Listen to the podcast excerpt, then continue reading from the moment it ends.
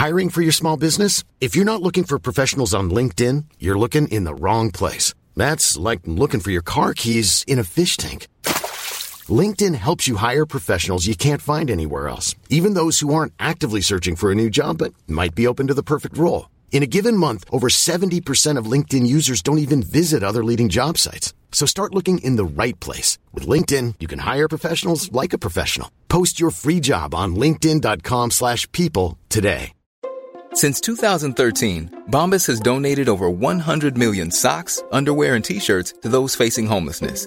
If we counted those on air, this ad would last over 1,157 days. But if we counted the time it takes to make a donation possible, it would take just a few clicks. Because every time you make a purchase, Bombas donates an item to someone who needs it. Go to bombas.com slash ACAST and use code ACAST for 20% off your first purchase. That's bombas.com slash ACAST, code ACAST. Hey, it's Ryan Reynolds, and I'm here with Keith, co star of my upcoming film, If, only in theaters, May 17th. Do you want to tell people the big news? All right, I'll do. Sign up now and you'll get unlimited for $15 a month and six months of Paramount Plus Essential Plan on us. Mintmobile.com slash switch. Upfront payment of $45 equivalent to $15 per month. Unlimited over 40 gigabytes per month. Face lower speeds. Videos at 480p. Active Mint customers by 531.24 get six months of Paramount Plus Essential Plan. Auto renews after six months. Offer ends May 31st, 2024. Separate Paramount Plus registration required. Terms and conditions apply if rated PG. Jag tror det finns lite i vad Pippi Långstrump en gång i tiden sa. Det där har jag aldrig provat, det måste jag ju kunna. Jag brukar ofta säga att man har en liten tabbekvot när man jobbar med mig. Att man måste, man behöver inte fråga mig om allting utan man, man finns där och har en specialistkunskap för någonting och då ska man våga fatta beslut och göra det också. Man kan bara ångra det man inte har gjort. Det man har provat leder en alltid någonstans. Det finns alltid en dörr till. Och vad är det värsta som kan hända?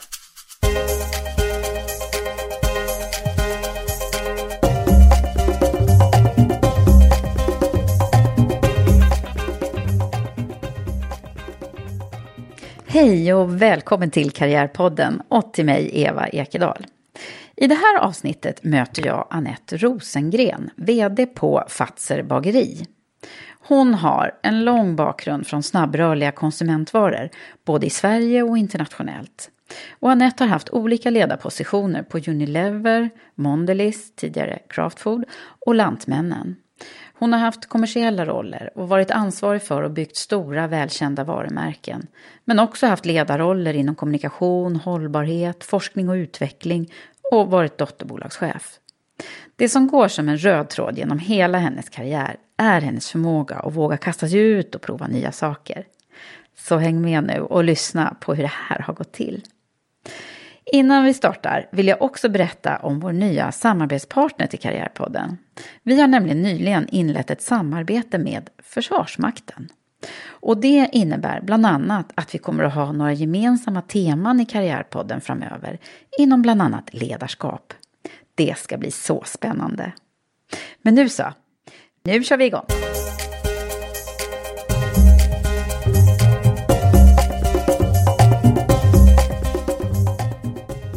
Hej Anette! Hej Eva! Så kul att ha dig med i Karriärpodden idag. Mm, det ska bli spännande, en Ja. hel timme och jag Ja. får prata. Ja, och det ska handla om dig. Ja, lite nervöst. Ja, är det så? Nej, inte nervöst, men jag brukar prata om affärer och jobb Mm. och KPI och inte kanske mig själv sådär väldigt mycket. Ja, just det. Och det kommer du inte få prata lika mycket om idag i alla fall. Precis, så det här blir lite spännande. Ja. Man måste prova. För vi ska ju försöka lära känna dig och, och förstå, försöka förstå oss på vad det är som har gjort dig så framgångsrik och eh, vd för Fatser bageri idag. Men hur resan har gått dit. Eh, och vem är personen bakom vd-rollen? Hoppas jag kan bidra med lite insikter i alla fall. Ja, precis. Ska vi börja, börja redan från början? Jag brukar göra det, för det känns som att man får liksom en... Det, det byggs upp en person då, på något sätt. Vem var du från allra första början? Eh, ja, eh, förmodligen väldigt livligt barn om du skulle fråga mina föräldrar. Väldigt aktiv. Eh, och i efterhand har min mamma berättat för mig, då ska jag säga att mamma är lärare och specialpedagog. Så jag har säkert varit ett experiment också i mångt och mycket. Men hon har sagt att jag byggde kojor som barn. Men jag lekte aldrig i kojorna. Så jag tog mig konstant an nya projekt, nya saker, nya lekar. Och hela tiden hittade någonting nytt, men jag stannade inte i det jag hade byggt färdigt. Nej, nej, då var det Vi- kul längre. Nej, vilket jag har reflekterat mycket över som vuxen. Och så brukar hon säga det, jag har en lillebror då som är sju år yngre än mig. Jag har två olika barn, det ena är en vara och det andra är en göra. Och där jag då är göra av barnen. Okej. Och vi är ändå uppvuxna i samma familj och har samma föräldrar, så det, är, det är lite spännande. Ja, tänk vad olika det där, Ja. hur det faller. Men vem är du mest lik då? Eh, jag är nog en blandning av både min mamma och min pappa. Så att jag har nog alla deras göra-delar och min lillebror är en blandning av dem och har deras vara-delar.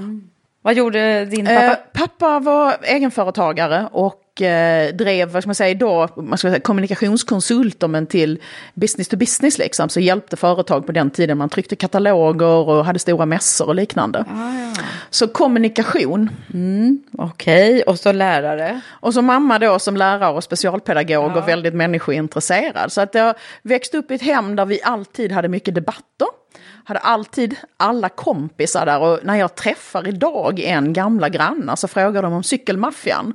Det är då alla mina gamla kompisar som alltid ställde alla cyklarna utanför uppfarten. I ett sånt här vanligt 70-talsområde. Och vi var nästan alltid hemma Vart hos är du oss. uppvuxen? I Helsingborg, bodde jag då. Jag jag är född i Malmö och har bott, vi flyttade lite, men jag hamnade i Helsingborg när jag var i tioårsåldern. Och jag tror att därifrån så präglades jag nog mest liksom. Alltid väldigt mycket kompisar, både hemma och mycket diskussioner hemma om olika frågor, alltid. Eh, Så att både jag och min bror lärde oss diskutera och kommunicera väldigt, väldigt tidigt. Och ibland tror jag att mina föräldrar bara gjorde för att provocera oss lite också, för att få oss att, att kliva fram och kliva ut liksom, och läsa på. Ja, det låter ju väldigt liksom, kommunikativt, om, både med kommunikation och lärare. Ja, precis. Så lite uttrycka sig. Sen eh, gillade jag alltså, att vara med kompisar, så att jag gjorde ju väldigt mycket aktiviteter. Jag tävlingsidrottade, spelade badminton. Mhm. Och eh, jag elevrådet. Jag hittade när jag rensade ut i mitt gamla föräldrahem faktiskt, här i vintras, en gammal bankbok Mhm. som jag fick när jag gick i klass 7H med 75 kronor för elevrådsarbete. Så jag vet inte om det, det finns liksom någon bank som tar lönen? emot en sån här bankbok längre, men jag, jag är lite nyfiken på vad räntan på räntan är på de där 75 kronorna. Det kanske är Ja, för det, var, det, var, det var från 1981 som jag fick den, så, och den låg kvar, jag hade helt glömt det. Ja, vad häftigt. Vad hade du för drömmar då när du var, när du var liten? Kommer du ihåg Jag vad var, du ville jag bli? var liksom? glasklar över vad jag ville bli. Jag skulle bli journalist. Och jag har såna här sett i efterhand i kompisars, mina vänner och sånt där. Att jag skrev journalist innan jag ens kunde stava till det. Så jag stavade med SJ. eh, så att eh, jag skulle bli journalist, det var inget snack om saken. Jan Guillou var min stora idol. Ja, Och det var- Jan Guillou. Ja, och det var det som gällde. Han jobbar ju mycket med undersökande journalistik och avslöjande. Ja, just det. Så att det, det var inget annat yrke jag någonsin funderade över. Jag kommer ihåg jag mötte en gammal mattelärare från högstadiet som, som blev förvånad och extra jobbade jag på bank när jag pluggade på universitetet. Vad gör du här? sa han på banken. För han var helt övertygad om att jag skulle bli journalist och att jag då pluggade ekonomi var han jätteförvånad över. Liksom. Men Jan Guillou som din förebild, ja det var ju lite Ja, men annorlunda. ja, på men- 70-talet ja, var det kanske- mycket med vallgraff och, och liksom man grävde i affärer och man avslöjade och jag, jag tyckte det var jätteintressant. Var det, var det innan eh, han började skriva Coq Ja, det var långt innan. Jag tänkte annars är det ganska så här, det är väldigt mycket manlig... Ja, men det var, det var liksom mer det här att få gräva i saker, undersöka, avslöja, ge perspektiv på. Vad coolt, har du använt det där nu undrar man? Ja, jag har ju varit kommunikationsdirektör under en period av karriären, så både ja och nej, men jag tror att det kanske det var ett sätt att uttrycka nyfikenhet som jag har. Och jag trodde att då blev man journalist när man var nyfiken och ville ta reda på saker. Men det är ju faktiskt så att man kan vara nyfiken när man jobbar som jag då har gjort med konsumentvaror länge. För det är ju, förstår man hur människor lever och agerar. Så det är också en nyfikenhet som behövs för att lyckas i den typen av jobb. Ja, och det har ju verkligen, när man läser ditt CV så är det ju verkligen det som är den röda tråden. som barn kanske man inte riktigt kunde sätta fingret på vad är det man egentligen vill bli. Men man visste att journalist kunde man ju bli, det var ju ett yrke liksom. Så att det var det jag hade som drivkraft hela tiden egentligen. Även när jag började på universitetet, för då hade jag bara bestämt mig att jag ska plugga ekonomi, för det är en bra bas innan journalisthögskolan. Så jag har inte kommit till journalisthögskolan ännu. Bara. Nej. Det, är bara, det, Nej, det är aldrig för det, sent. det är Aldrig för sent, nej, men det, det var, så det var målbild från väldigt, från innan jag kunde stava det rätt. Men när, vad hände sen då efter universitetet? Hur Alltså under vägarna? studietiden, jag var då aktiv hela tiden i uppväxten, elevråd, idrottsföreningar och alla typer av aktiviteter. Så ständigt alltid mycket på gång.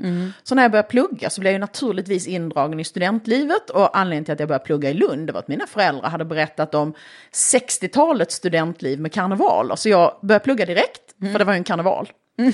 Eh, och jag drogs in i arrangemang och biljetter då kring karneval och, och liksom hela, hela arrangörskapet. Vi har just varit nere på EEE-dagarna. Har du varit med på dem? Och Ja, fixat? och de har jag varit med och arrangerat. Så jag har varit ansvarig för alla företagskontakter under några år av min studietid. vad roligt. Min son är, är, var koordinator nu. Så att, Då kan eh, du se vad som kan hända vi hade, vi hade faktiskt eh, livepoddsändning ifrån, det var lite nytt för i år, så att Karriärpodden var, var där. det, har, det har utvecklats. För Ja. det, var, det var egentligen där som jag liksom under arbetet i ekonomföreningen som jag började fundera på att ja, men jag kanske ska jobba med ekonomi ett tag. Och det jag såg då, det var ju de stora konsumentvaruföretagen. Som jag i mina, mitt andra, tredje studieår liksom kände att wow, det här är spännande. Och då var det ju traineeprogram. Så från att ha varit eh, lite så här liksom att jag ska bli journalist, så, så någonstans mitt i studietiden så började jag inse att jag kan ju bli journalist sen, men jag måste pröva på det andra först. Så vad blev det? Det blev en traineetjänst då? Ja, det blev en traineetjänst och det blev traineetjänsten som jag hade satt upp som min egen målbild nummer ett. Jag blev trainee på Unilever. Och att jag ville vara trainee på Unilever berodde dels på hur de faktiskt marknadsförde sig på arbetsmarknadsdagarna. Men också det här med spännande med, med konsumentvaror som var väldigt nära, som är nära i människors vardag. Och där man faktiskt påverkar människor varje dag genom att förstå dina behov i framtiden kan skapa nya lösningar för dig. Det som jag säger idag, jag jobbar idag med Fazer bageri och vi säljer bröd idag. Men vi ska nog kanske tänka att vi säljer sandwich eller mackor i framtiden. För det är ju egentligen inte brödet vi säljer utan det är ju att vi säljer att man blir mätt. Ja, just det. Så det handlar ju hela tiden om att skruva, hur vill du i framtiden bli mätt? Och ju mer mat du äter utanför hemmet på språng, ju mindre du har i kylen hemma, ju mer måste vi ju se till att finnas på ett sätt som är relevant för när du är hungrig och vill ha något på språng. Och en macka kan du äta med en hand. Och den kan vara väldigt nyttig också i vad du har i mackan. Precis, vi kommer säkert att komma till det. Men, för jag har nämligen ge- en av, en av de som eh, köper ert rodfruktsbröd. Men du, eh, jag måste bara, Un, Unilever, eh, det kom- kommer jag ihåg, det var ju, så här, det var ju jättehypat. Ja, och det var Varför det som... var det det då? Jag tror att de var duktiga på arbetsmarknadsdagarna. Eh, och sen så hade de en tradition av att ha traineer. Så att det första man fick var egentligen träffa sådana som berättade att ja, men jag är trainee av den och den kullen. Och de har man ju mött väldigt mycket senare i livet också. Så jag tror att det fanns tillräckligt många bolag för att du skulle kunna ha tillräckligt mycket folk som rörde sig runt så det blev en rörlighet internt och det gavs nya möjligheter för människor som hela tiden presterade. Hur var, hur var det då när du, när du kom in där då? När jag kom in, det, det var nog egentligen lite som jag hade väntat mig. Det var ju ett starkt nätverk av, av personer på en gång. Det fanns en social sammanhang. Och sen fick man ju då flytta runt. Så mitt första jobb var att jag var säljare. Och jag hade aldrig varit norr om Dalälven som skåning. Det fanns ju ingen anledning att åka skidor norrut när man kunde åka skidor söderut. Så att mitt första jobb var en Volvo 740 där jag skulle sälja på Dalarna i Gästrikland. Och jag kommer ihåg, jag ringde försäljningsdirektören Börje och sa, du Börje, det snöar här, hur kör jag i snö egentligen? För då skulle jag ta mig från Borlänge till Gävle och på den tiden hade man inga GPS så jag hade tagit, slaktat en telefonkatalog och tejpade kartorna på Volvo-ratten för att jag skulle veta hur jag skulle köra. Oh, Och, och han bara sa, har du aldrig kört? Nej, det är ingen sån här snö. Så sa han, titta bara på kanterna på vägen på de här stolparna och håll låg hastighet, max 30. Och så ringer du när du kommer fram. och jag kom fram kom till. Gävle, men det var många timmar senare. Och jättekul att kastas ut med en säljväska, några dagars introduktion med några duktiga säljare. Och sen verkligen liksom på det själv, ut och träffa kund, ut och, och presentera företagets produkter, idéer, men också förstå vad de hade för behov hos kunden. Och vad jag då kunde kila in någonting så att jag kunde sälja mer. Så det här var ganska rätt då för dig, eller hur ska Ja, man tolka jag, det? jag hamnade ju, jag tyckte jag hade rena drömjobbet från början och skulle säkert kunna ha, om jag hade halkat in som säljare på en säljtjänst rent, så hade jag säkert fortsatt bara på det. Mm. Men genom att jag var trainee så Nio månader senare flyttades jag ju till ett nytt jobb per automatik och det var ju det som var så bra att man fastnade. Mm. inte utan var tvungen att prova på ett antal roller. Och en roll som jag var tvungen att pro- prova på som jag tyckte det här kommer att bli pest. Det var affärscontroller eller business control, alltså controlling till en marknadsavdelning. Och jag jobbade då åt ett företag som på den tiden hette Lida Robert. Med kosmetik och den typen av produkter. Och jag skulle sitta och räkna hela dagarna, göra produktkalkyler, göra budget och följa upp siffror. Och det var tråkigt varenda dag jag gick till jobbet men jag lärde mig någonting nytt. För jag kände ju att det här är inte min grej framåt att hålla på med. Men när jag ser tillbaka, så nu, 25 år senare, så är det den traineetjänsten jag har haft mest nytta av. Av alla jobben. Och det var en sån här, jag blev lite mera intvingad i att det är bra att prova någonting. För jag var helt klar, det är sälj, marknadsföring jag ska jobba med. Men det där är ju något, det kanske blir dina råd sen som jag kommer fråga dig om. Men, men det, det är ju verkligen bra att, att bredda sig och, och prova de här olika Och där är ju traineeprogram fantastiska. För där är ju hela syftet är ju att prova det du inte väljer själv. Ja, precis. Inte det man har lättast till på något sätt. Nej, och inte det du tror, utan att har man provat det, och som trainee så vill man ju göra bra ifrån sig. Så jag gjorde inget dåligt jobb där, men det var bara inte rätt för mig. Nej. Men Hur länge var du trainee? Var det ett år, ja, eller? strax över två år var man på Unilever på den tiden. Så, så jag gick runt på ett antal och mitt i det så kom den stora lågkonjunkturen. Så att våra rotationen var lite svag i början av 90-talet. Så att jag var trainee i två år och tyckte det var jättebra. Ja. För jag provade på väldigt många olika roller under den tiden. Men det var ju främst sälj och marknad. Och så det Men blev det så att du sen blev erbjuden någon, Ja. någon fast tjänst? Ja, sen hamnade jag då på ett av dotterbolagen som hette Falcon som var ett bryggeri på den tiden. Och där jag då gick in på marknad som produktchef, vilket ju var kanske det ganska så naturliga när man ha, hade min önskan och min vilja liksom att driva marknad och försäljningsroller. Så då hamnade du på det Då ganska på det, tidigt. ja. Vad roligt. Vad, vad, och sen har det ju verkligen varit en karriär. Vi hinner ju inte gå igenom alla, alla jobben som du har haft. Men, Nej, eh, men man kan väl säga så här också, alla jobb, men jag har ju bytt jobb hos min arbetsgivare hela Ja. tiden, vartannat till var tredje år. För jag har då varit hos arbetsgivare som har haft en kultur av att man gör ett uppdrag och sen så går man vidare till nästa, så att man stannar inte där man är. du, sådär, och det har passat år har mig perfekt. mellan eh, alla befattningar då kan man säga? Ja, någon, någonstans under åren på Unilever och sen åren på Craft Food som idag heter Mondelez då. Ja. Så, För så det var det ju, som kom efteråt. Precis, så är det, var det ju nästan liksom, vad kan det vara, 13, det var nästan 18, nästan 20 år av min karriär. Och då byt, bytte jag jobb vartannat till var tredje år. Mm.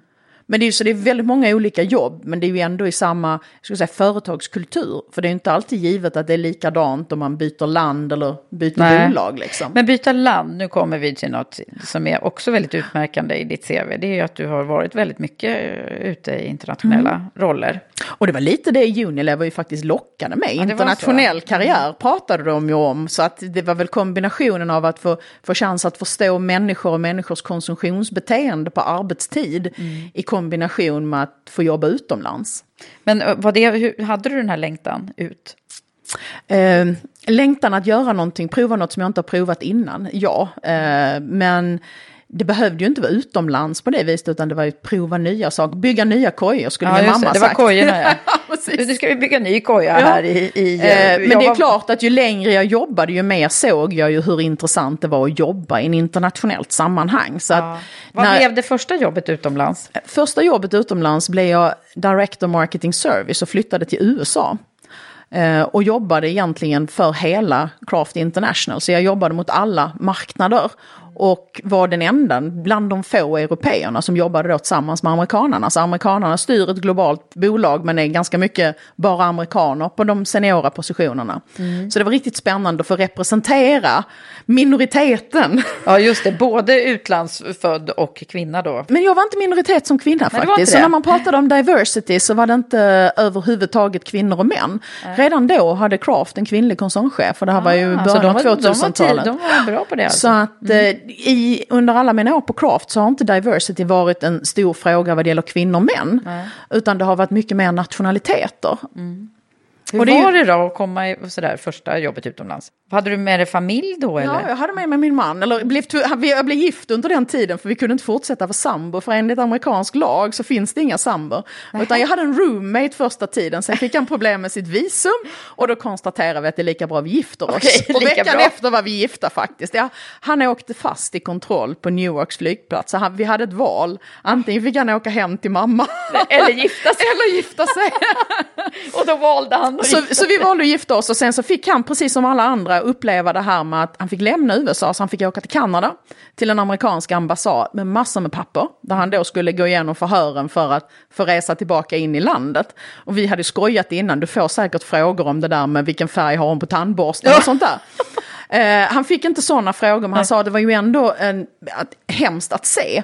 För det var ju så mycket människor som satt där med hopp, vars drömmar grusades också. Mm. Som, inte fick till, fick, som inte fick rätt visum i sitt pass och inte kunde resa tillbaka, kanske till familj eller vänner eller till jobb. Just, så är det även med ja. integrationen här. Hur, hur blev du bemött då, tycker du? Amerikanerna är ju så himla trevliga oftast. Ja, att, jag tyckte ju att jag var hemma direkt. Och jag skulle kunna stanna i USA utan vidare alltså, och fortsatt jobba där. Mm. Så att Hur jag länge kände var du där då? Jag bodde där i två år. Men jag kan ju säga att eftersom jag jobbade i ett amerikanskt bolag så mycket av värderingarna och företagskulturen var ju väldigt amerikanska. Så att man kände ju mera igen att man kom till kulturens vagga lite grann. Mm. mycket go-getters, alla vill någonting, alla strävar. Men också eh, en väldig målfokusering. Just det. Tyckte du att det var tuffare, hårdare krav liksom? På jobbet? Eh, nej, det tyckte jag inte. Men det var annorlunda ledarskap. Jag blev chef. Och jag hade aldrig känt mig osäker innan, för du har på något sätt svenska värderingar i din referensram. Så jag har aldrig gått till HR så mycket och ställt frågor om hur jag får göra, som jag gjorde där. Jag hade en kvinna som skulle komma tillbaka från sin föräldraledighet. Och i USA föder du naturligt så anses det som att läkningen är klar efter 14 dagar, så då ska medarbetaren komma tillbaka. Kejsarsnitt är det sex veckor. Och jag var tvungen att gå och fråga hur ska jag hantera den här medarbetaren som kommer tillbaka efter 14 dagar? Vad får jag fråga henne om? Hur, hur, får, jag, hur får jag lägga upp hennes arbete? När hon ska jobba och komma tillbaka. För på något sätt så sa mig att hon borde ju amma och då måste hon ju åka hem eller vad. Ja, tänkte, hur gör de och jag, där egentligen? Jag fick inte lov att ställa de frågorna. Det fick hon lösa Integrity, bara? Eller det var, det, mitt ansvar var bara att se till så att hon, hade, så att hon levererade på arbetsuppgifterna. Utan det var, det var upp till medarbetaren att lösa. Ja. Om den ville tillbaka till jobbet. Annars så typ förlorar man jobbet? Ja, inte förlora, du kan ju be för tjänstledigt eller använda eventuellt sparad semester. Men vad hade hon, tio semesterdagar i sitt kontrakt? Mm. Så det var väldigt intressant att bli ledare. Jag hade många, jag hade både amerikanska men också från andra länder som jag ledde. För det var verkligen det här vikten av att du anammade företagskulturen och den amerikanska kulturen. För att jag kunde inte referera till min egen referensram längre. Nej, för jag kunde inte fråga hur löser du barnvakt om du måste jobba längre? Nej. Här ställer man naturligt frågan, kan du få ihop det fastän du hämtar eller lämnar? För att hitta en möjlighet i pusslet. Ja. Jag visste att det fick jag inte fråga, så det var ju verkligen en no-go. Det som naturligt kommer för mig, vad passar bäst, liksom före eller efter läggning? Mm. Annorlunda utmaningar, ja. men, men hur tyckte du det var då att lämna Sverige och så? Bara kul. Och jag tackade faktiskt ja till jobbet precis. Jag blev erbjuden precis 11 september 2001 när planen flög in i tvillingtornen.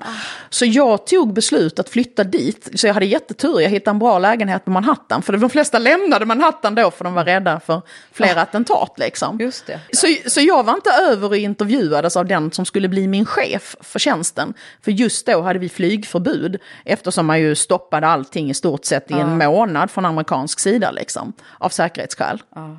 Men var, var, var du aldrig rädd?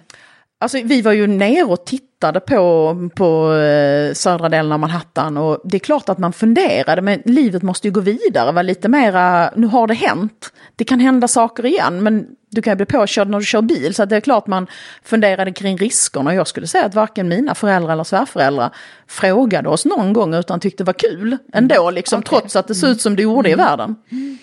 Ja. Nej men det är bara att gå, man kan inte Nej, man kan låta liksom rädslan ta över. Du har någon annan kraft säger. vunnet liksom. Ja, ja. Så att eh, för oss var det helt naturligt. Och... Var häftigt, så du bodde på Manhattan? Ja, alltså. jag bodde på, mm. mitt på Manhattan. Hur länge var ni vi. där då? Vi bodde där i två år innan det var dags för nästa land. Och då kan man ju säga, det, jag hade ju då varit väldigt tydlig med att jag gärna jobba med utvecklingsländer, för det hade jag aldrig provat. Så jag hade räckt upp handen och sa att jag kan borsta av min gamla skolspanska. Jag hoppar gärna in och tar ett nästa steg på utvecklingsmarknader, Latinamerika till exempel, vilket innebar att jag hade fått stanna i USA.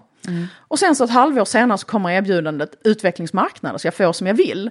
Men jag har ju lite tyska på mitt CV så att kan du tänka dig att flytta till Wien och jobba med Östeuropa, Mellanöstern och Afrika? Man säger inte nej. Så du bodde i Wien? Jag flyttade från New York till Wien, så jag flyttade från en av de städer som är mest vakna dygnet runt till Europas, bland Europas konservativaste fäste. Där butikerna stänger klockan sju, där det fortfarande finns hemmafruar. Det. Och där man titulerar, där de frågade efter Frau Rosengren på kontoret. Och jag, det var ju min mamma liksom, vem är fru Rosengren? så jag reagerade inte ens, jag var tvungen att där till mina medarbetare be dem lägga bort titlar. Så det var en helt annan kontrast, kontrast. liksom, och ändå samma bolag jag jobbade för, men ett lokalt kontor. Otroligt. Och sen då nya nationaliteter igen att, att liksom hantera. Tyvärr kunde jag inte själv åka till Saudiarabien på fokusgrupper, det vill säga när man intervjuar konsumenter om deras beteende. Ja. Så på den kategorin som jag hade då i de arabländerna så var, hade jag en kille som jobbade för mig. För du fick inte Jag fick eller? inte resa in. Men jag jobbade mycket, var mycket i Egypten till exempel, som var ett en av de marknaderna som vi höll på att bygga upp. Och där var det ju inga konstigheter, men jag fick ju täcka håret när jag då var på möten ute på landsbygden. Och var det en enda kvinna som inte hade håret täckt så tog jag också av min sjal liksom direkt. Men man vill ju inte börja med att bryta och störa en, en kultur liksom, för jag får ju ta seden dit jag kommer.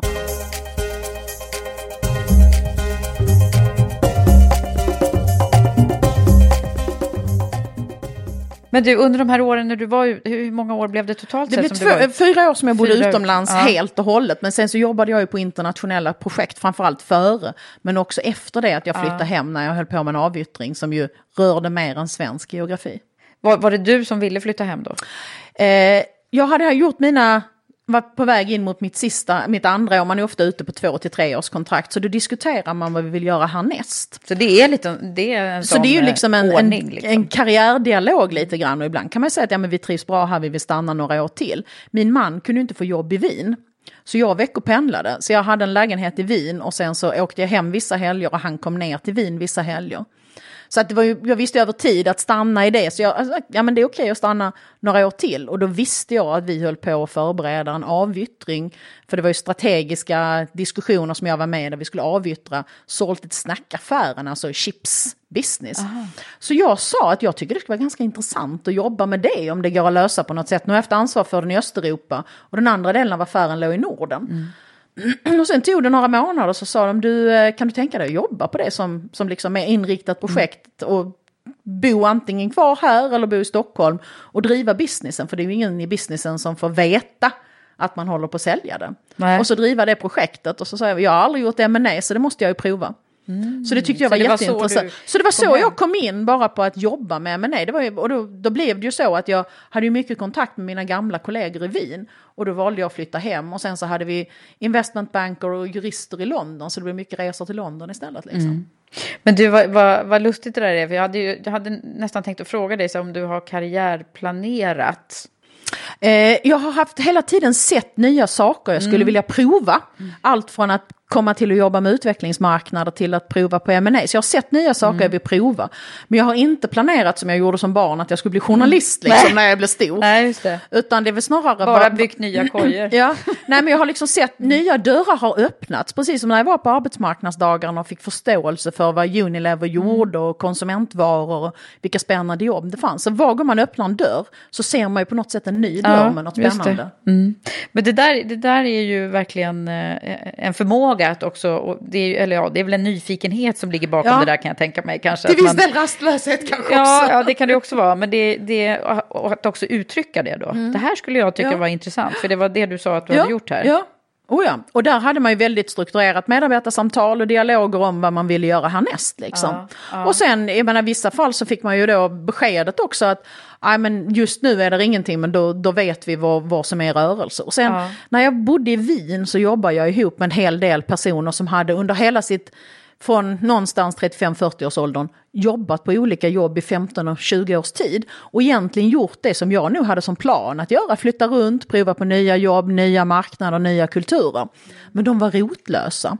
De hade inget hem. Så så att det. jag fick lite perspektiv på det också. Så Tänkte så här att jag är inte lika attraktiv. Om jag jobbar utomlands i 15 år så är det ingen som tycker att jag har någon bra kunskap om jag har byggt kexmarknaden i Kazakstan. Det är ingen som har nytta av det i Sverige. Men det är otroligt liksom belönande att få göra ett sånt jobb. Men å andra sidan då, om jag är ute i 15-20 år så kommer det inte att addera så mycket värde till egentligen på vad jag kan, utan jag kommer bara att lära mig nya saker hela tiden, få prova nya saker. Mm. Men att om jag flyttar tillbaka till Sverige så kanske andra dörrar öppnas. Och det var ju framförallt den här M&A för då tänkte jag ju i mitt stilla sinne att ja men det ska bli spännande att göra en sån här process, så är det en intressant ägare, ja så kan det vara en ny dörr som öppnas. Mm, och det var precis vad som hände då eller? Nej, det var det inte Nej. alls, utan det var egentligen ett sånt här riktigt bakslag. Vi jobbade, och, och i- tyvärr är det ju så att när man jobbar med sådana projekt så är det ju nästan dygnet runt arbete. Vi jobbade, hade en bra deal på gång efter ett antal management presentations och ett antal, liksom, riktigt mycket jobb bakom och positionera historien och ta fram allting. Eh, och i slutförhandlingen så var det mer eller mindre så att vi var på väg till Genève för slutförhandlingar. Då vi fick besked från USA, ni, ni behöver inte ta och använda era biljetter. Det var folk som redan satt på planet. Vi har st- strukit det. Det vart liksom och då, då rasade det. Alltså hela, hela förhandlingen och hela affären rasade på, på olika delar som inte gick att lösa. Och då sa man, för då väljer man ju så att säga att ska vi backa Mm. eller ska vi försöka igen? Och då bara sa man nu stryker vi ett streck. Och det var ju också ett sätt att syna korten från den andra. Men den andra Mm. Men hur länge tillbaka. hade man hållit på då? då? Ja, två års tid hade vi hållit på. Så, och då hade jag faktiskt tänkt mig att följa med till en potentiellt ny arbetsgivare och bygga upp något nytt där. För jag tyckte det var ganska spännande utan att ha sagt det till min arbetsgivare då. Ja. Liksom att jag, jag har sagt att det beror väl på vem som köper, om jag är villig att gå eller inte. För det är ju också när du säljer en affär så vill de ju veta vad är det för management de får med sig. Ja. Så då var det bara hem. Och då, då Tänka satt- nytt. Jag, jag, jag kommer ihåg, jag bara satt och tittade en hel dag på kontoret liksom och tänkte, vad ska jag göra nu? Så efter några strategiska möten så beslutade vi att vi styckar och säljer i bitar. Och då igen så sa jag, nej men jag, jag tycker det här har varit en kul process så att jag, jag är på det igen. så att jag laddade om. Du verkar ha en o, liksom, outmättlig energi. Ja, men energin är där nog, men samtidigt jag tyckte det var spännande. Ah, ja. Så att det tog ytterligare två år innan affären var klar. Men och då, vad hände då? då? Och då var jag, då var jag eh, jobbade jag med hela processen. Men när jag såg de olika köparna så tänkte jag att nej, det är nog inte det här jag riktigt vill göra härnäst. Och det var nog lite mer att jag ville ha en, en arbetsgivare där det fanns större möjligheter, fler dörrar att kunna öppna. Och det var så jag slutade som kommunikationsdirektör på Lantmännen istället, vilket Ja. ju är en helt annan typ av Ja, ägare, helt annan en- struktur. Ja. Som, Och Lantmännen var ju inne i en förändringsresa. Och det som triggade mig i det jobbet, i USA hade jag gjort ett rent stabsjobb. Och när jag då såg det här jobbet så var det ju ett rent stabsjobb. Jag fick sitta i en koncernledning i ett företag som omsätter över 30 miljarder. Det vill säga, hade det varit på börsen så hade det tillhört framsidan på Dagens Industri hela tiden. Men det är Sveriges bönder som äger det istället. Och det gör att det är kanske inte lika uppmärksamt som företag. Men jag såg ju en, en fantastisk juvel här där svenska bönder står som ägare med ett väldigt, tala om långsiktigt ägande för många generationer. Och sen då olika affärer egentligen om man säger från ax till limpa eller från jord till bord i hela kedjan. Så att den positionering som var bestämt då att Lantmännen skulle förflytta sig och bli mera känt än bara den här grodden, symbolen som Ja, brukar det. finnas på silo som folk ser när de är på Ja, den landet. eller kepsen, att ladda det varumärket. Så en fantastiskt kul resa. Och det var första gången jag klev in i en annan företagskultur. Och så fick jag ju då leda specialister som var väldigt duktiga på sin sak, men mot ett gemensamt mål. Att hur tar vi ansvar från jord till bord? Hur gör vi ägarna tillfredsställda och stolta över sitt företag? Hur kommer vi fram till konsumenten med det löfte som ju faktiskt finns och som ligger ju helt rätt i tiden som det gjorde när vi började positionera det. Men du Anette, du har ju väldigt, det, det som är intressant med din karriär är ju också det här, dina erfarenheter från de här olika eh, kulturerna utifrån ett eh, ledningsgruppsperspektiv och så. Vad, vad, vad tycker du, vad är, vad är nu det svenska ledarskapet? Kan vi inte Jag ska säga att det är, ganska, det är egentligen ganska lätt att leda If you thought the only way to get a more defined jawline with natural looking results was through surgery, think again. Juvederm Volux XC is a non surgical injectable gel filler that improves moderate to severe loss of jawline definition and can help you achieve natural looking results with little downtime. Even better, this improved definition lasts up to one year with optimal treatment. No maintenance required. Improve jawline definition for a smooth, sculpted look with Juvederm Volux XC. For important safety information and to find a licensed specialist, visit juvederm.com. That's J U V E D E R M.com. Not for people with severe allergic reactions, allergies to lidocaine, or the proteins used in Juvederm. Common side effects include injection site redness, swelling, pain, tenderness, firmness, lumps, bumps, bruising, discoloration, or itching. There's a risk of unintentional injection into a blood vessel, which can cause vision abnormalities, blindness, stroke, temporary scabs, or scarring. Talk to a licensed specialist to find out if it's right for you. Hiring for your small business? If you're not looking for professionals on LinkedIn, you're looking in the wrong place. That's like looking for your car keys in a fish tank. LinkedIn helps you hire professionals you can't find anywhere else, even those who aren't actively searching for a new job but might be open to the perfect role. In a given month, over 70% of LinkedIn users don't even visit other leading job sites. So start looking in the right place. With LinkedIn, you can hire professionals like a professional. Post your free job on linkedin.com slash people today. There's never been a faster or easier way to start your weight loss journey than with PlushCare. PlushCare accepts most insurance plans and gives you online access to board-certified physicians who can prescribe FDA-approved weight loss medications like Wigovi and Zepbound for those who qualify.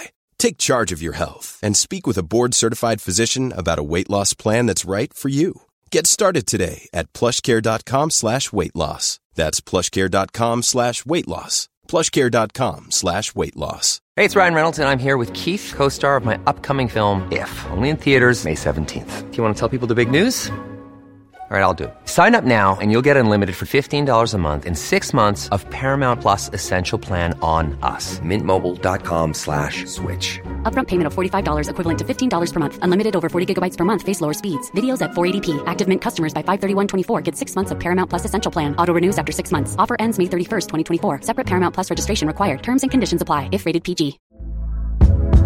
Hey there, it's Michelle Norris. I'm host of a podcast called Your Mama's Kitchen. When I travel, I'm usually looking for a way to find a taste of home when I'm not at home. And one of the things I love to do when I am at home is entertain. And Airbnb allows me to do that. When I was in California recently, I rented a house that had a great kitchen. And when we were sitting around the table, we we're all thinking, we're in someone else's house. Someone could be in all of our homes as well.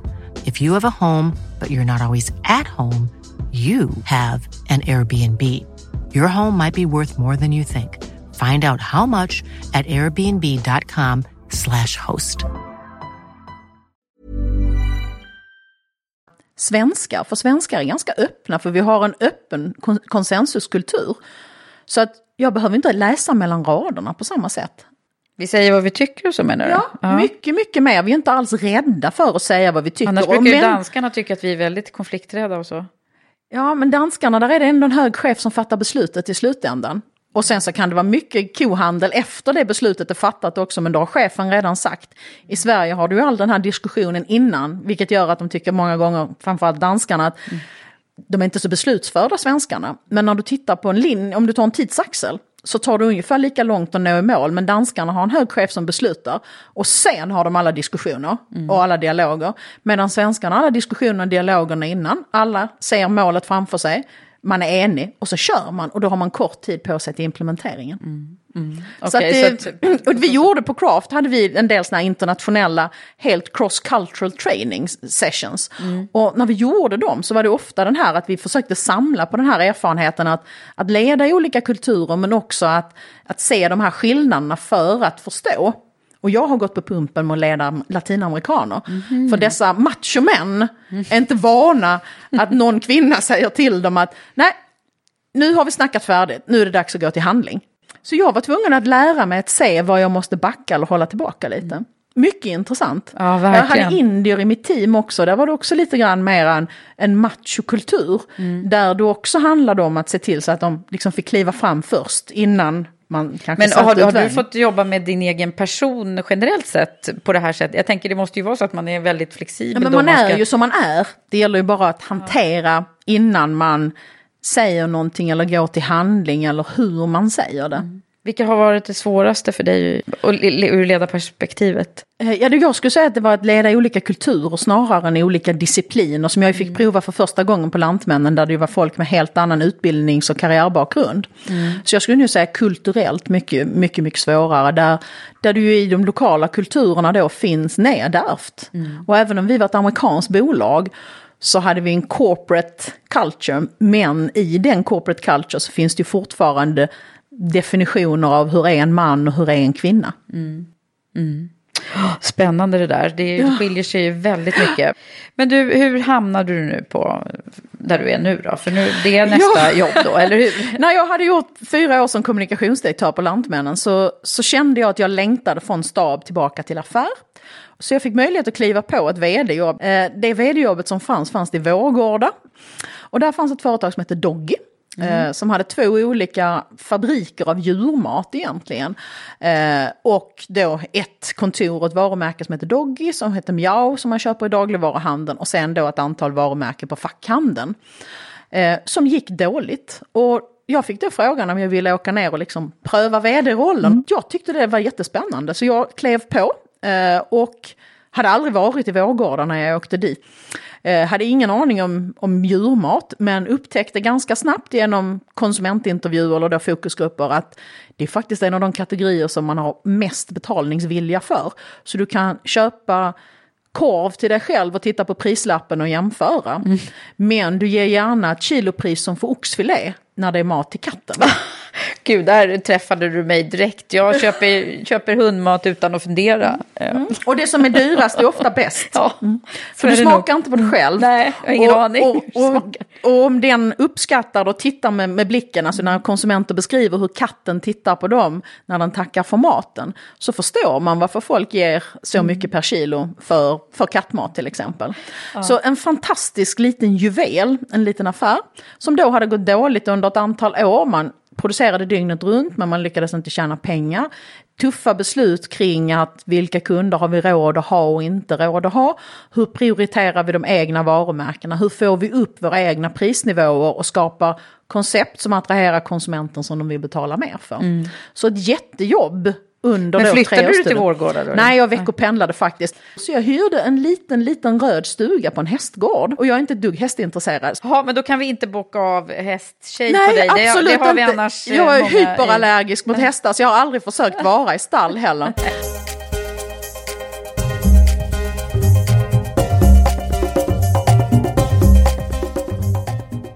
Hur gick det till när du lämnade då? då hade du gått med businessen då? då? Ja, businessen hade gjort positivt resultat och eh, när vi tittade på businessen då så var det frågan, är det här kärnverksamhet eller inte för Lantmännen?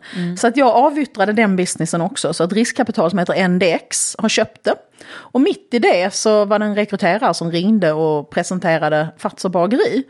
Och då hade jag varit på Lantmännen när Lantmännen ägde en del av det som är Fazer bageri idag, Skogaholmsvarumärket.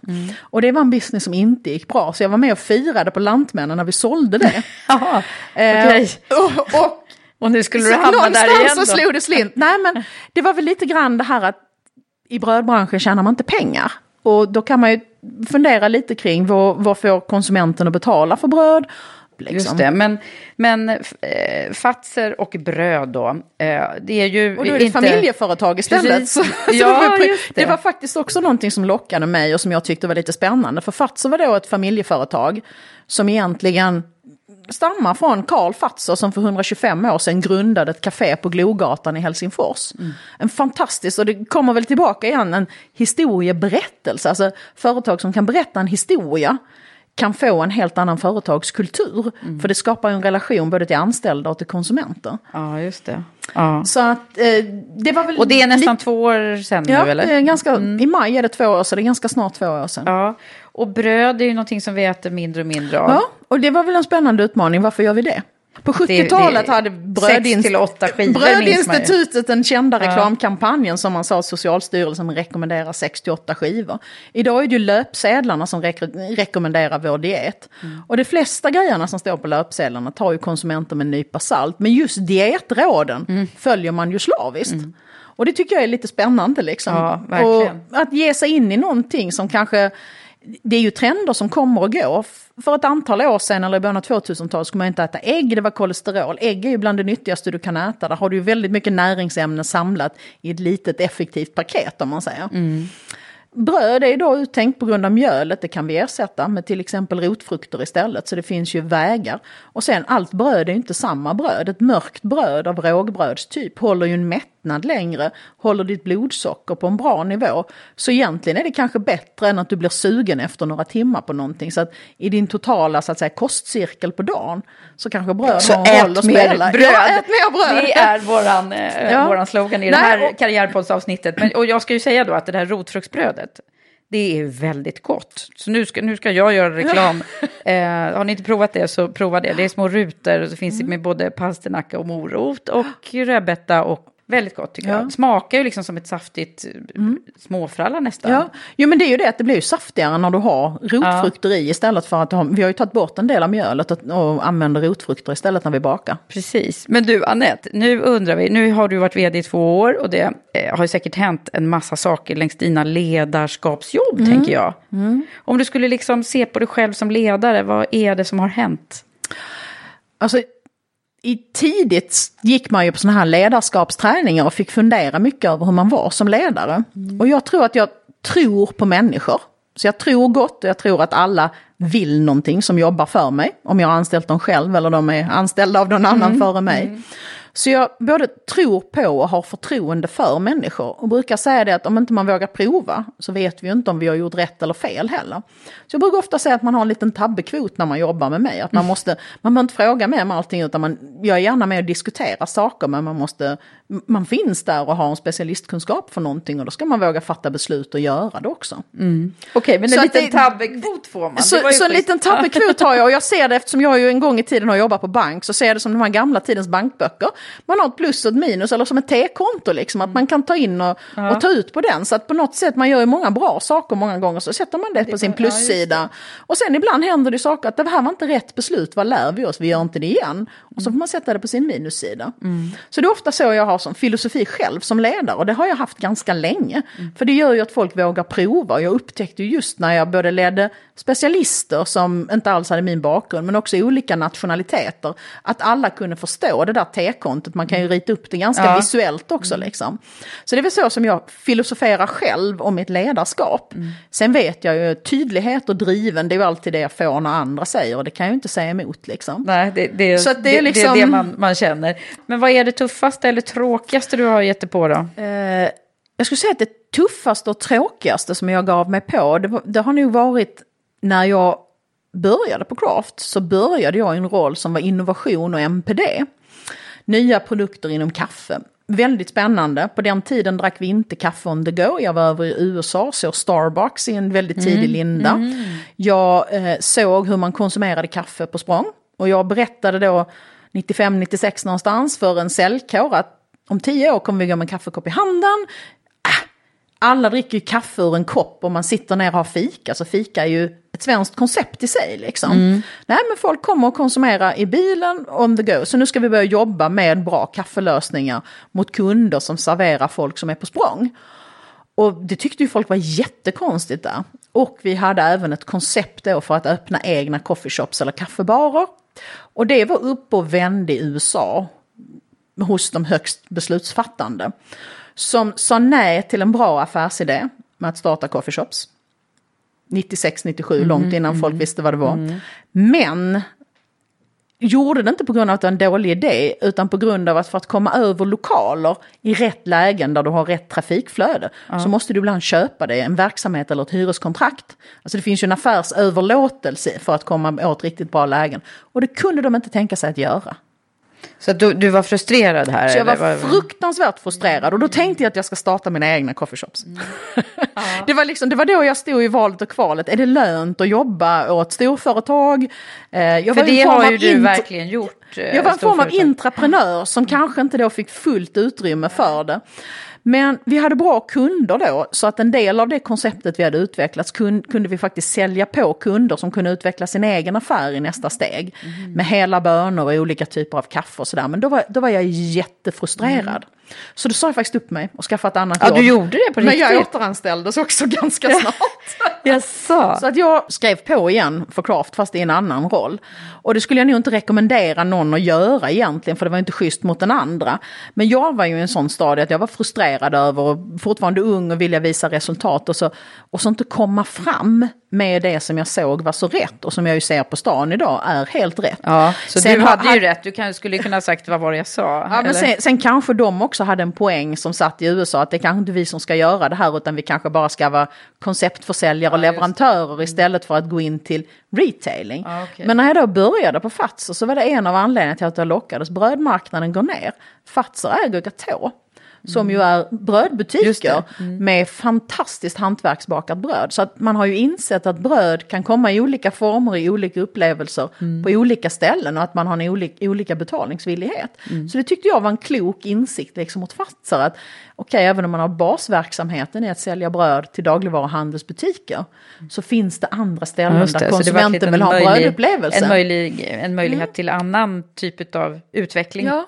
Men vad, vad är det som har, präglat dig, tror du, allra mest till att bli den, den du är idag? Har du liksom kunnat sätta, fingret på det? Jag tror jag har nog formats väldigt mycket av att jag den uppfostran jag har fått, mycket kompisar man har haft runt sig. Och sen så tävlingsidrottade jag, jag spelade badminton som ung. och Mm, just det. att det blev badminton var nog mer en slump, för det var ett cykelavstånd så jag kunde ta mig till hallen själv. Mm. För egentligen skulle man tänkt strategiskt skulle man ju satsat de timmarna på en tennisbana istället. Mm. Men, men som sagt, jag spelar badminton och jag tyckte det var en kul sport, för man tävlar individuellt i en del delar, men man tävlar som lag.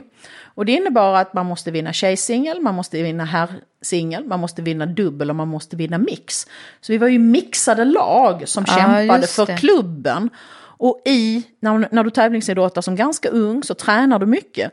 Och du får ju också väldigt mycket, inte bara fysträning utan psykisk träning. För det är klart du förlorar matcher, det är klart laget förlorar. Och hur du, hur du bygger upp din egen drivkraft för att gå in på, om du har förlorat damsängen, hur ser du till att vinna mixdubben? Som du ska spela kanske på eftermiddagen. Ja, just det. Men du, vad, vad tävlade du på hög nivå eller? Nej, division 2, så att jag slutade tävla under studenttiden när, när studentlivet tog övertid. När det tog över. Studentlivet tog övertid. Nej, men badminton, hade jag spelat tennis hade jag säkert fortsatt, för då hade man ju kunnat studera och fortsätta sin sport. Badminton är ju inte en sån sport. Och det kanske också var bra, för badminton drivs, det finns inga pengar, det finns ingen, inget yrke i den. Utan det är ju egentligen bara kul att, att spela bra liksom och att vinna matcher. Men det där att vinna, det har funnits det, med då. det var ju viktigt, jo, men annars hade man ju inte, men man tränade ju mycket för att vinna. Så jag tror att mycket av det som har fostrat mig, jag har ju behov av att sporta fortfarande, men jag tror att, att, att spela i en lagsport hjälper dig liksom mycket som när du växer upp, att du formas av det, för att laget vinner, laget förlorar. Men det är ju ändå en individuell prestation som, som, som leder till vad laget blir. Vad är det mer då, tror du, som, som har präglat dig? Det och sen tror jag oräddhet och det, har jag, det handlar nog om uppfostran. Liksom, att, att någonstans så släpper man och ser om de kan simma så kan de simma. Liksom. Så att det, det är nog också en, en oräddhet som finns där.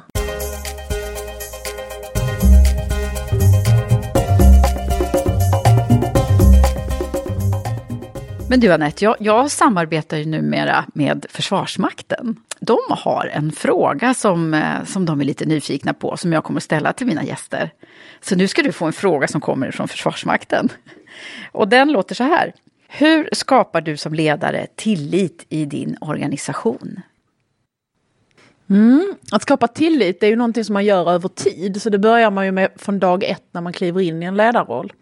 Men eftersom jag då har klivit in i mycket ledarroller där jag har kommit rakt in i organisationer för att göra ett uppdrag så handlar det ju mycket om hur man ser på människor, tror på och förtroende för. Och som jag berättade tidigare så, så brukar jag förklara min tabbekvot så att folk ska våga göra saker. Mm. Sen tycker jag det är jätteviktigt att man är öppen själv med vem man är, vad man tycker, när man är nöjd, när man är inte nöjd. För att skapa ett öppet klimat där man känner att man litar på och man kan komma till mig med saker, men man kan också uttrycka saker, både positivt och negativt. Sen för mig i ledningsgruppsammanhang så handlar det då om att jobba med de frågorna, att sätta av då kanske två heldagar eller ett antal halvdagar om året, att successivt jobba sig fram som team för att skapa tillit. Och det handlar om att förstå vilka personligheter och profiler vi själva är. Och successivt genom att både prata om jobbiga frågor och ha kul tillsammans, bygga en tillit. Mm, just det, och hur, hur, hur snabbt går det där då?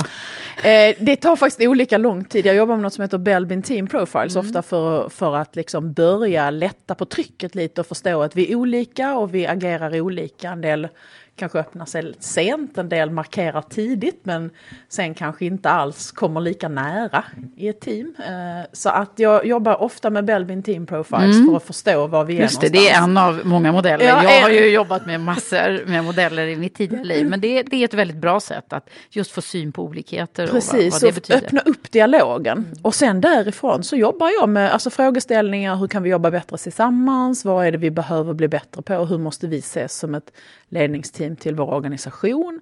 Men det kan också vara hur, hur vi eh, så att säga hjälper varandra i tuffa frågor som vi har att hantera. Eller hur vi helt enkelt tar upp tuffa frågor tillsammans. Mm, just det, så öppenhet är det korta öppenhet svaret. Öppenhet och sen då att bjuda på sig själv lite grann, att mm. öppna sig själv också. Ja, har du gjort det i, i din ledningsgrupp? Ja, det gör jag nog väldigt mycket för jag är en ganska öppen person liksom, som person. Eh, så att de vet nog mer om mig än vad de vet om många. Eh, och det är ofta så att det gäller att hitta någon mer som börjar öppna sig. Och där, det är där jag tycker Belbin Team Profiles är bra. För det handlar ju om hur man själv, hur andra ser på en och hur man själv ser på sig själv. Mm. Och redan där så finns det ju alltid en olikhet. Och det bjuder ju på att börja öppna sig faktiskt också. Mm. Att så här ser andra mig, så ser jag mig. Mm. Det här med, med eh, att eh, ständigt liksom tycka att det är kul att gå till jobbet. Ja, men det, det är ju kul. Ja, det, jag, jag, märker ju det på dig. Eh, men har, har, du aldrig liksom blivit trött eller? Alltså, vill jag... ta en paus på något sätt? Nej, jag, har, jag, jag, jag, brukar säga det att någon gång så, när jag blir pensionär så ska jag ha en hund. Men jag vet inte riktigt när jag blir pensionär. Nej, okay. och då frågar folk varför jag ska ha en hund. Och säger men hund är ju fantastiskt.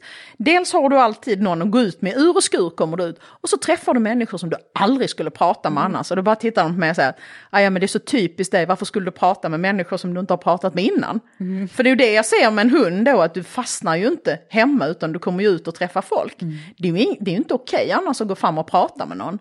Men har du en hund så kommer folk fram och prata med dig. Mm, mm. Ja men så är det, det kan jag intyga, ja. jag som har en. och det, det är också mm. så att, nej men skulle jag inte levt ett så aktivt liv eh, med att jobba så kanske jag hade varit med i en bokcirkel för det tycker jag skulle vara kul. Men det är någonting som jag får stryka undan lite för att ju mer saker man bokar in sig på ju mer skapar man ju sin egen stress för då måste man ju läsa den boken till den träffen. Jag skulle säkert varit Friskis och Svettis-ledare också. Mm. Och, men då igen... Då och gammal reseledare ja. konstaterade ja, vi precis. innan här att du... Så jag, jag, skulle säkert gjort, jag skulle ha lika många järn i elden. Ja. Men jag kanske inte skulle haft dem på ett ställe utan jag kanske skulle gjort så mycket. Men jag hade liksom inte, jag hade inte suttit ner och gjort ingenting. Jag kan inte men, det här med att, jag är så fascinerad över din energi och uh, iver här. Vad, vad, har, har du själv kommit på, vad är det som är ditt bränsle liksom? Vad är det som eh, är drivkraften? Nej, men jag, jag, tror det finns lite i vad Pippi Långstrump en gång i tiden sa. Det där mm. har jag aldrig provat, det måste jag ju kunna. Ah, okay. det, är den alltså, som lite är devisen. Lite, mer, ah. lite mera att, nyfik, det är nyfikenheten, det är kanske den där ådran som vill bli journalist en gång, att mm. man kan alltid veta något mer. Jag tittade i tidningen här om morgonen, Stockholms universitet hade öppna föreläsningar. Och det var massor med grejer som jag skulle tänka mig att gå, mm. men då fick jag liksom parkera igen och tänka, inte nu, för nu hinner jag inte. Nej. Men det kommer finnas öppna föreläsningar om några år också. Men har det aldrig blivit för mycket? Att du har tagit Nej, på dig så mycket så att du har... jag tror jag har varit duktig på att medvetet välja bort saker. Och det kan man väl säga att hade jag fortsatt på den här internationella, att byta jobb vartannat, mm. var tredje år och flytta runt och blivit en, en expert liksom överallt i, i världen. Så hade jag, då vet jag att då hade jag, för det hade jag på min liksom lista det här, då måste jag säga nej till ett socialt umgänge. För du får bekanta men du får aldrig vänner när du flyttar runt. Och hur viktigt är det att ha några nära vänner eller att ha liksom ett ankare någonstans? Ja, det kände att det var, det var viktigt att, att kunna, både för mig och min man, att umgås med folk som vi har känt längre än de sista tre åren Mm. som tycker det är spännande att smaka svampsoppa och lingon för det har de aldrig ätit. Ja, just det, det blir liksom en, det blir eh, liksom samma en sak. ytlighet i det. Mm. det blir samma sak om och om igen. Och jag har ju kvar en del av mina gamla tjejkompisar i Helsingborg som var delar av cykelmaffian. Och med Facebook nu så hör man ju av sig oftare än vad man gjorde kanske för 10-15 år sedan. Mm. Så när jag är nere i Helsingborg hör jag av mig och så träffas vi och det är som om vi fortfarande var 18 eller som tiden inte hade, hade funnits däremellan. Liksom. Mm. Det här med att du är vd och har varit ledare så länge nu, är det någonting som, som man hade kunnat gissa? Det finns faktiskt, vi hade en sån här klassåterträff på, från gymnasieklassen. Och jag, jag gick ju dit precis som alla andra, vi var många som gick dit. Och då var det en kille som, som liksom när de fick höra, som, som sa, ja men det kunde jag nästan tänka mig för du skulle alltid bestämma. Och det stämmer säkert. Så, så jag sa, ja har du känt dig förtryckt så kan du tala ut ikväll, sa jag, men han bara skrattade. Okej, så att det var, det var kanske mer vad du anade då när det var... Ja, och jag, jag, det, var ju, det, det var ju mer att om du skulle alltid bestämma, och det var säkert så att jag, för jag var ju aktiv och tog lead i klassen och tog, tog lead i elevråd och tog lead i idrottsförening, alltså allting sånt som hade med skolan att göra. Så att, men jag tror inte någon hade sagt att liksom hon ska bli vd, för det är inte ett jobb man definierar som sitt karriärval, utan alla visste nog att jag ville bli journalist, men jag hade ett jävla driv för att göra saker. Vad är det, det, svåraste i ledarrollen då som du har varit med om? Att göra människor besvikna. Eh, Det kan handla om att man inte kan leverera det som man har tänkt leverera, det vill säga att chefer blir besvikna för att det inte går att genomföra, för ibland är man inte ensam på marknaden. Eller också kan det handla om medarbetare som kanske inte har som kanske har för många på den där tabbekvots på minussidan istället för att adderat på tillräckligt många plus. Liksom. Det tycker jag är, och det är just det här att, att, att, bli, att bli besviken, att göra någon annan besviken. Ja, just det. Mm. Du, har, jag har, brukar också fråga, vad, vad har, du, har du några rädslor? Klaustrofobi. Vad bra att jag har lite luft här i Ja, rummet. precis. Ja, men jag har extrem klaustrofobi, så det händer att min väska när jag är någonstans åker hissen med någon annan så att jag tar trapporna. eh, och kontoret som brukar skratta åt mig, vi har två hissar, ibland står de stilla. Och när de försöker tränga in några till så säger nej, nej, nej, nej, det får inte plats fler. Eller också går jag av hissen och väntar till nästa. Ja, okej. Vad, vad kan göra dig riktigt arg då? Jag har, jag har ju lärt mig tygla mitt humör för egentligen har jag ganska kort stubin. Eh, så att idag blir jag inte riktigt arg men det syns väldigt tydligt säger folk som jobbar med mig på mitt kroppsspråk direkt när jag tycker att det här har gått för långt eller det här är inte rätt eller det här är inte levererat. Men jag skulle aldrig ge någon en utskällning så att håret flyger bakåt eller någonting sånt där utan jag är väldigt tydlig att vi kanske ska titta på ett annat sätt att göra på det här och sen i enrum mera är tydlig med att det var inte vad jag hade förväntat mig, jag hade förväntat mig mer, har jag inte varit tydlig med förutsättningarna. Så att jag har inga, förr hade jag explosioner när jag var yngre liksom, men, men det har jag De fått har- lära mig att tygla. Ja. Okej, så det är en grej som du har jobbat lite med men jag har, och det, bland annat ofta människor som är duktiga på att läsa andra människor lär sig läsa mig, för de säger det syns precis på dig. Mm. Och jag blir mycket mer precisare i språket också, liksom, så man Mm. kan höra på mig att det här, Men det är en tydlighet. Otroligt tydligt ja. Mm, det kan jag också känna i vårt samtal. Men du, eh, jag brukar också fråga, vad, vad hade du velat veta när du eh, var 20? Jag tycker inte någonting har varit så svårt. Jag skulle snarare säga, jag tror att jag någonstans, genom att jag hamnade i ett amerikanskt företag ganska ung också, struntade lite i jantelagen utan att jag var medveten om jantelagen. Så jag slapp någonstans i min karriär mellan 30 och 45 jantelagen. Och den tror jag faktiskt kan lägga band på. Sen vet jag inte om jag hade haft och varit mer försiktig eller mer funderat kring den. Men jantelagen finns ju inte i en amerikansk företagskultur. Och Nej, det just passar mig ju bra, så jag behövde inte fundera över den det. någonstans. Nej. Annars hade du kanske Men, behövt men den det, då som det sagt kanske var. jag Ja. hade annars, så det är Ja. nog lite att, att reflektera över jantelagen Ja, och, och gå den väg man vill. Liksom. Ja, och då kanske det leder oss till dina tips som jag hade tänkt att du skulle formulera här för våra lyssnare. du. Eh, alltså det ena är ju, det det är ju just det här kring jantelagen, att kanske strunta i jantelagen. Mm. För den finns egentligen inte. Det, det är ju bara du själv som sätter dina gränser. Tycker jag väldigt mycket. Och sen så är jag ju väldigt mycket inne på att säga ja istället för att säga nej. För man kan bara ångra det man inte har gjort. Det man har provat leder en alltid någonstans. Det finns alltid en dörr till. Och vad är det värsta som kan hända? Och du har verkligen gjort det? Ja, nej, men om, om man misslyckas då är det bara att bryta ihop och komma igen. Alltså det är lite den här, och jag, gör, jag är ju en extremt rationell person så jag gör ju ofta listor för och nackdelar. Och sen så noterar jag för mig själv vad kan, vad kan vara det värsta som inträffar.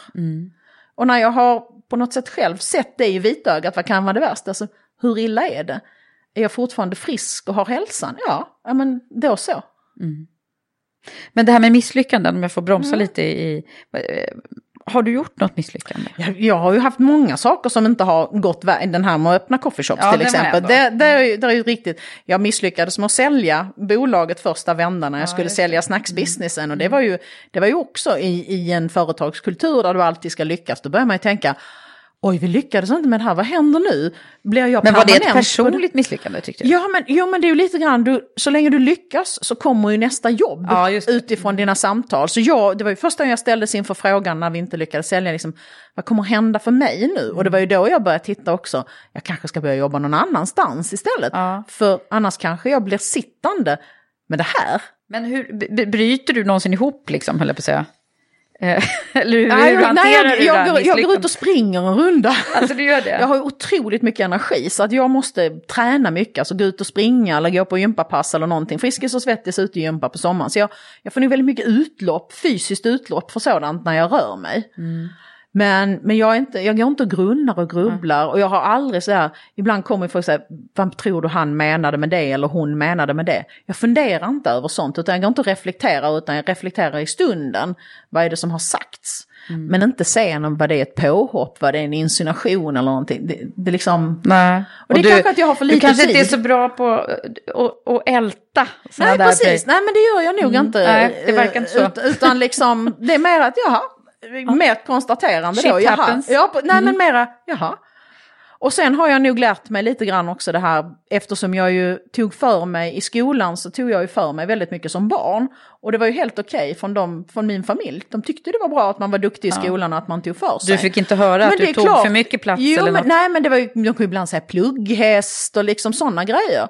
Loser tänkte jag om dem, för jag hade liksom lärt mig att hantera att det som bröt kanske mot gängse att man skulle inte vara bäst i klassen, man skulle inte räcka upp handen hela tiden. Jag bröt ju mot de reglerna Redan medvetet eller omedvetet redan från början lite grann. För för mig var det okej att vara duktig i skolan och jag vet många gånger jag bytte skola. Jag har en ganska tydlig skånska fast jag har bott i Stockholm i många år. Bodde i Östergötland ett år och blev otroligt mobbad för jag var skåning och inte pratade på rätt sätt. För det blir man när man är tio år. Och det slutar ju med att en av de värsta mobbarna han fick ju stryka mig liksom.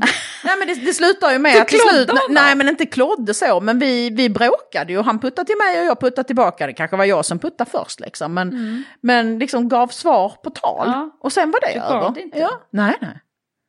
Mina föräldrar gav mig vid studenten lite kvitton, inte, inte bara vad det kostade att, att jag hade studentfester och sånt där som de hade sparat allting, utan de hade sparat lite kvitto från skolgången där fröken hade skrivit hemma att jag hade krossat lampor, att men de Men du hade lite svar på mig. Ja, liksom. de la inte band på mig utan mina föräldrar var också sådär, har du tagit dig dit kan du ta dig hem. Jag har aldrig ringt och bli, bett att få bli hämtad. Utan när man då, som man gjorde i Skåne, man åkte bussar ut till sådana här olika ställen där det var band som spelade. Ja, har du tagit dig, dit får du ta dig hem. Jag tror inte dagens föräldrar kanske skulle våga säga det till en 17-18-åring. Men mina föräldrar sa det och jag tog mig hem. Och vissa gånger så tog jag mig hem och där jag konstaterade att det här ska jag aldrig mer göra. Så det var lite learning by doing. Ja, just det. Ja, men vad intressant. Nu får man ihop bilden ännu lite mera, tycker jag. Ja, förlåt, jag avbröt dig mitt i tipsandet här. Nu, jag tror att vi är på det tredje tipset. Ja, och det tredje tipset skulle jag vara samla ihop en bra verktygslåda, för kunskap kan ingen ta ifrån dig. Att samla ihop en bra verktygslåda det gör man ju genom att själv utsätta sig för olika situationer och sen reflektera över vad man har lärt sig och kanske själv göra lite bokslut över vad har jag lärt mig, vad, vad har jag nu lagt i min verktygslåda. Nej, vad härligt, Annette. Du har gett mig många verktyg här längs vägen. Får du någon struktur på det? Ja, det får vi hoppas att lyssnarna också får. Men tack så jättemycket för att du har varit här. Tack själv Eva.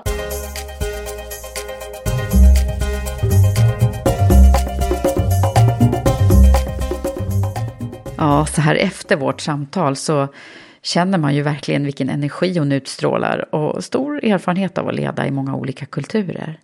Att våga prova på och bygga nya kojor, det blev ju också en väldigt tydlig metafor. Tack Annette för att du varit med. Avslutningsvis så vill jag också berätta att vi nu har verkligen lanserat och öppnat ansökan till Women for Leaders Premium Leadership Program. Ett unikt ledarprogram för kvinnliga toppledartalanger som är designat av kvinnliga framgångsrika ledarprofiler från näringslivet och offentlig verksamhet. Kolla in mer om det på vår nya sajt womenforleaders.com. Ha det nu så bra så hörs vi snart igen. Hej så länge!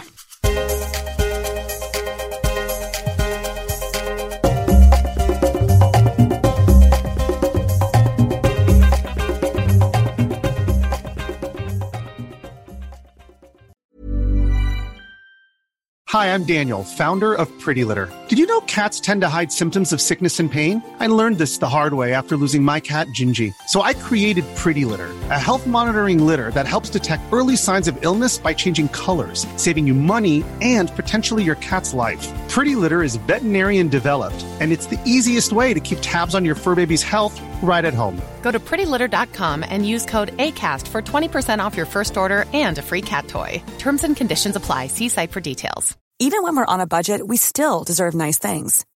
Quince is a place to scoop up stunning high end goods for 50 to 80% less than similar brands.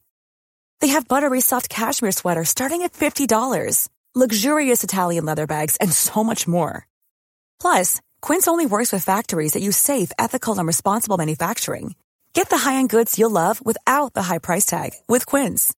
Go to quince.com slash style for free shipping and 365-day returns. Are you ready for truly hydrated skin? Meet Hyaluronic Body Serum, a breakthrough in body care from Osea. It's clinically proven to instantly increase hydration by 161%. Their lightweight, fast-absorbing serum delivers 24 hours of nonstop hydration for silky smooth skin without the sticky afterfeel. Osea's latest innovation combines the magic of their best-selling hyaluronic sea serum with a new formula that's good for the whole body and five types of hyaluronic acid to target every layer of the skin.